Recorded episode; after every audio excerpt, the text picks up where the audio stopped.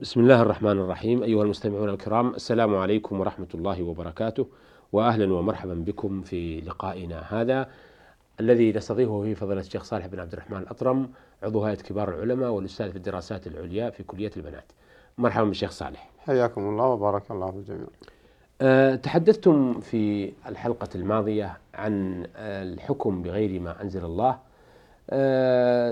وقلتم إذا كان معتقدا أو غير معتقد ووعدتم المستمعين بأن تكملوا الحديث عن هذا الموضوع. حبذا يا شيخ لو أكملتموه لنا في بداية هذا اللقاء. بسم الله الرحمن الرحيم. الحمد لله والصلاة والسلام على رسول الله وعلى آله وصحبه ومن والاه. وبعد ففي الحقيقة أن مثل هذا الموضوع موضوع شائك وموضوع محل مزل أقدام. أسأل الله سبحانه وتعالى أن يثبت الجميع. آمين. وأن يوفق الجميع لما يحبه ويرضاه.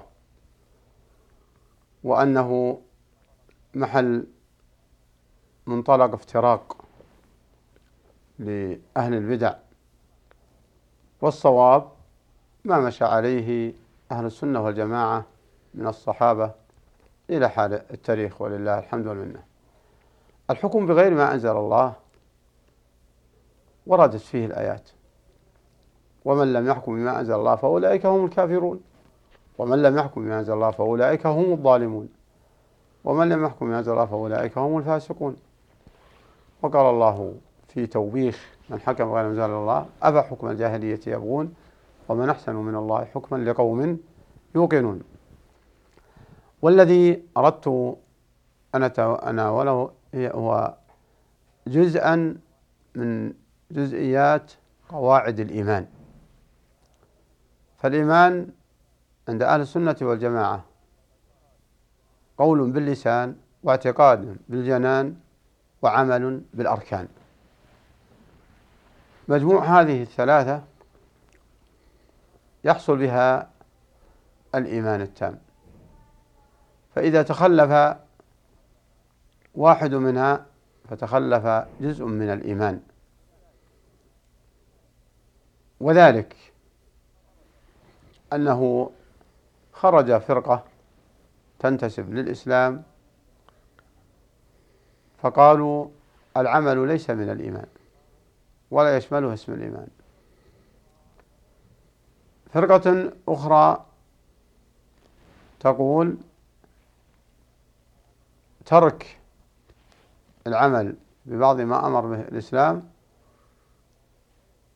كفر. ولو لم كفر ولو اعتقده وقاله. أهل السنة والجماعة قالوا هناك أفعال يكفر بها مطلقا وهو ما إذا صرف حقا خاصا لله لغير الله.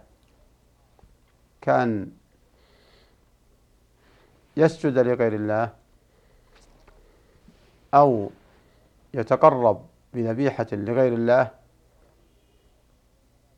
أو يستعيذ بغير الله فيما لا يقدر عليه إلا الله هذا ليس فيه تفصيل. لأنه حق خالص لله.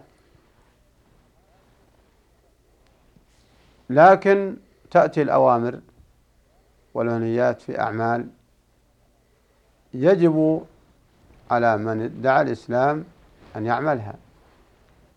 فإذا لم يعملها تأتى لعلماء السنة والجماعة الحكم. من ذلكم الحكم بغير ما أنزل الله. إذا استسيغ وقيل أن هذا القانون أحسن من حكم الله وتقد ذلك هذا كفر. بلا شك. لأن صدر من اعتقاد ومن عمل. ومن عمل. نعم. وفي الحقيقة قد يكون أيضا على خطر من التزم ذلك ونشره. وجعل العمل به كالعمل بالمباح. هذا أيضا على خطر. هذا على خطر. لكن بمجرد ما قد يحصل من بعض الجزئيات مع اعتقاد تحريمه أنه يخرج من الإسلام هذا من الصعوبة في مكان عند أهل السنة والجماعة. فيقول نعم هو فاسق بكبيرته. كون حكم بما أنزل الله أو رغب ذلك لكن بما أنه لم يعتقد جواز ذلك لا نخرجه من الإسلام. لأن هذه نواحي عملية وارتكاب أمور محرمة. فالأمور المحرمة المتفق على تحريمها مجرد أن يعملها ما تخرجه من مسمى من دائرة الإسلام. ما تخرجه من دائرة الإسلام. كالزنا مثلا. وكالسرقة وكشرب الخمر. فهو باتفاق أنه محرم ومن اعتقد جواز الزنا كفر ولو لم يزني ومن اعتقد شرب المسكر جواز شرب المسكر كفر ولو لم يشرب. وهكذا نقول من اعتقد جواز الحكم بغير ما أنزل الله أو التحاكم لغير ما أنزل الله من اعتقد جوازه ولو لم يعمله هذا كفر وخروج من الملة. فنتنبه لهذه النقطة لأنها مزلة أقدام وظل بها طوائف. نعم. ظل بها طوائف. ففي الحديث الشريف لا يزني الزاني حين يزني وهو مؤمن. ولا يسرق السارق حين يسرق وهو مؤمن. ولا ينتهب نهبة حين ينتهبها وهو مؤمن. فمعناه خرج عنه مسمى الإيمان لأنه أخص من الإسلام لكن دائرة الإسلام هو باق فيها. فوقت عمله ذهب عنه الإيمان الحقيقي الذي يحجزه عن الوقوع في المحرم. فإن جاء الاعتقاد لجواز هذه لجواز المحرمات الثابت تحريمها في الكتاب والسنة هذا كفر ولو ما عملها. وهكذا الحكم بغير ما أنزل الله فيكون كفر دون كفر. حينما لم يعتقد جواز ذلك. وعليه خطر إذا استساغه وجعله ديدنا له ولو لم يعتقده فإن عليه خطر. هذا يبحثه العلماء في عند بحث الرجاء والخوف والمحبة. فمن الطوائف المنتسبة للإسلام من رجح عندها الخوف ومنها من رجح عندها الرجاء ومن الطوائف من رجح عند المحبة. وأي واحدة من هذه الثلاثة ترجح بالأخريين فإن فإنه يخرج عن الطريق. ومن جمع بين هذه الأمور الثلاثة فهو المسلم والمؤمن حقا. وسيأتي مزيدا لهذا إن شاء الله إن شاء الله. حينما نستعرض سورة الفاتحة فيما نس فيما يخدم المعتقد وما فيها مما يجب اعتقاده إن شاء الله تعالى. إن شاء الله. ذكرتم من آه، صفات أو خصائص الطواغيت وقلتم إنهم كثيرون جدا ولكن رؤوسهم خمسة إبليس ومن عب من عبد وهو راض ومن دعا إلى عبادة نفسه من دون الله وأخي ثم الخامس من حكم بغير ما أنزل الله آه، وذكرتم أيضا الرابع الذي يدعو أو يدعي علم الغيب الذي لا يعلمه إلا الله. فهو هنا يعني مدعي وقد يصدق في بعض الأحيان.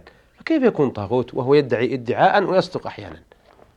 ما لا يصدق من ادعى علم الغيب الذي لا يعلمه إلا الله. نعم. لا, لا يصدق إلا إذا كان قد استخدم الأرواح الشيطانية. وإذا استخدم الأرواح الشيطانية فهذا هو الطاغوت. يعني لا يجوز استخدامه. نعم. استخدام الأرواح الشيطانية. نعم. نعم. أو قد يوافقه مثلا القدر و إذا وافق ما نقال أن صدق وافق القضاء والقدر. نعم. وهذا يكون ابتلاء وامتحان. قد يوافق قضاء وقدر فيكون ابتلاء وامتحان للتابعين. وبلا شك النقطة هذه مزلة أقدام. سواء أن قلنا وافق قضاء وقدر أو أنه استخدم الأرواح الشيطانية التي تأتي له بالأخبار كالكهان والسحرة ونحو ذلك. نعم. أه نسمع على ألسنة كثير من العلماء أن هناك قواعد يميز بها المسلم في دينه من دين غير المسلمين أو من الأديان الأخرى. أه نود الحديث عن هذه عن هذا الأمر. نعم. جاء قواعد كثيرة في الكتاب والسنة. وقررها علماء أهل السنة والجماعة. منها أن المشركين الذين قاتلهم رسول الله صلى الله عليه وسلم يقرون بتوحيد الربوبية. بأن الله هو الخالق الرازق المحيي المميت. ويقرون بأسمائه وصفاته كما جاء في الشاعر على لسان الشاعر الجاهلي مجد الله فهو للأهل مجد ربنا أمسى في السماء كبيرا. وإذا قيل لهم من يرزقكم كما في الآية؟ قل من يرزقكم من السماء والأرض أما يملك السماء والأبصار ومن يخرج الحي من الميت ويخرج الميت من الحي ومن يدبر الأمر. فسيقولون الله. فقل أفلا تتقون. بمعنى ما معنى أفلا تتقون؟ أي إذا اعترفتم أن هذا الصنع هو من الله فلماذا لا تتقونه بصرف حقه عليكم بصرف حقه عليكم له. لأن الخلق خلقوا لعبادة الله كما قال تعالى وما خلقت الجن والإنس إلا ليعبدون. فكيف تقر بقدرته وتمتنع من القيام بحقه؟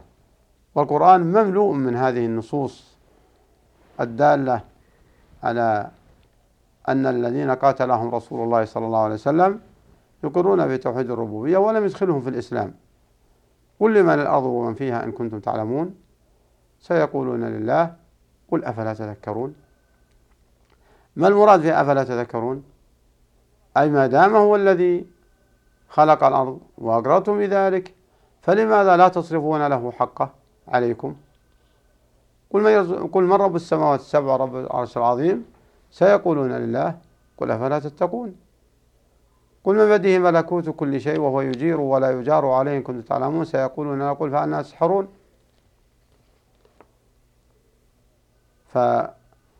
فالإقرار بأن الله هو الخالق الرازق المحيي المميت المدبر لجميع الكائنات الذي أوجد العجائب والغرائب في خل في مخلوقاته في البحار والبراري وفي وفي الأجواء. ما دام هو القادر على هذه الأمور ألا يستحق بأن تعبدوه وحده وأن تشكروا له؟ اعبدوه واشكروا له. وابتغوا عند الله الرزق واعبدوه واشكروا له إليه ترجعون. فكفار قريش الذين قاتلهم رسول الله لا يصرفون له حقه الذي عليهم وينكرون البعث يوم القيامة. ينكرون الإيمان بالمغيبات. وهاتان النقطتان هما محل العراك بين الرسل وأممهم. بين الرسل وأممهم. وقوله تعالى يا أيها الناس اعبدوا ربكم الذي خلقكم والذين من قبلكم لعلكم تتقون. بدأ بالأمر بالعبادة. الذي جعل لكم الأرض فراشا. بدأ بأنه الذي خلقهم. يعترفون يعترفون بأن الله هو الذي خلقهم. وأن الله هو الذي جعل الأرض فراشا. والسماء بناء وأنزل من السماء ماء فأخرج به من الثمرات رزقا لكم. طيب هو الله. ففي هذه الآية تقرير لهم ليصرفوا ما عليهم من حق الله له. وليس المراد هنا إظهار قدرة الله للعجب فقط. بل هو إلزام لهم. ولهذا ختم الآية بقوله فلا تجعلوا لله أندادا وأنتم تعلمون. بالنهي عن الشرك به في عبادته. نعم. والآيات في هذا المعنى كثيرة جدا وهي في الحقيقة نقطة مهمة لأن كثير من المسلمين في وقتنا الآن يتعلقون بهذه الطريقة وهو التركيز على توحيد الربوبية. ويتناسون معنى لا إله إلا الله الذي التي جاءت بها الرسل.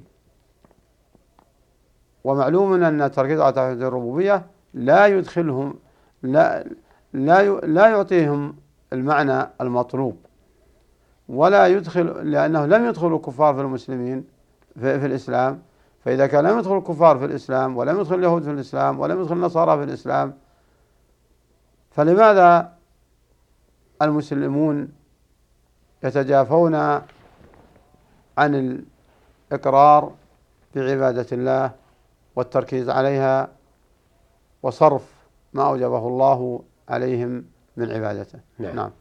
آه شكرا أثابكم الله. بهذا نأتي أيها الأخوة إلى نهاية لقائنا هذا. الذي تحدثنا فيه مع فضيلة الشيخ صالح بن عبد الرحمن الأطرم عضو هيئة كبار العلماء والأستاذ في الدراسات العليا في كليات البنات. شكرا لفضيلته وشكرا لكم وإلى أن نلتقي بحضراتكم. نستودعكم الله. والسلام عليكم ورحمة الله وبركاته.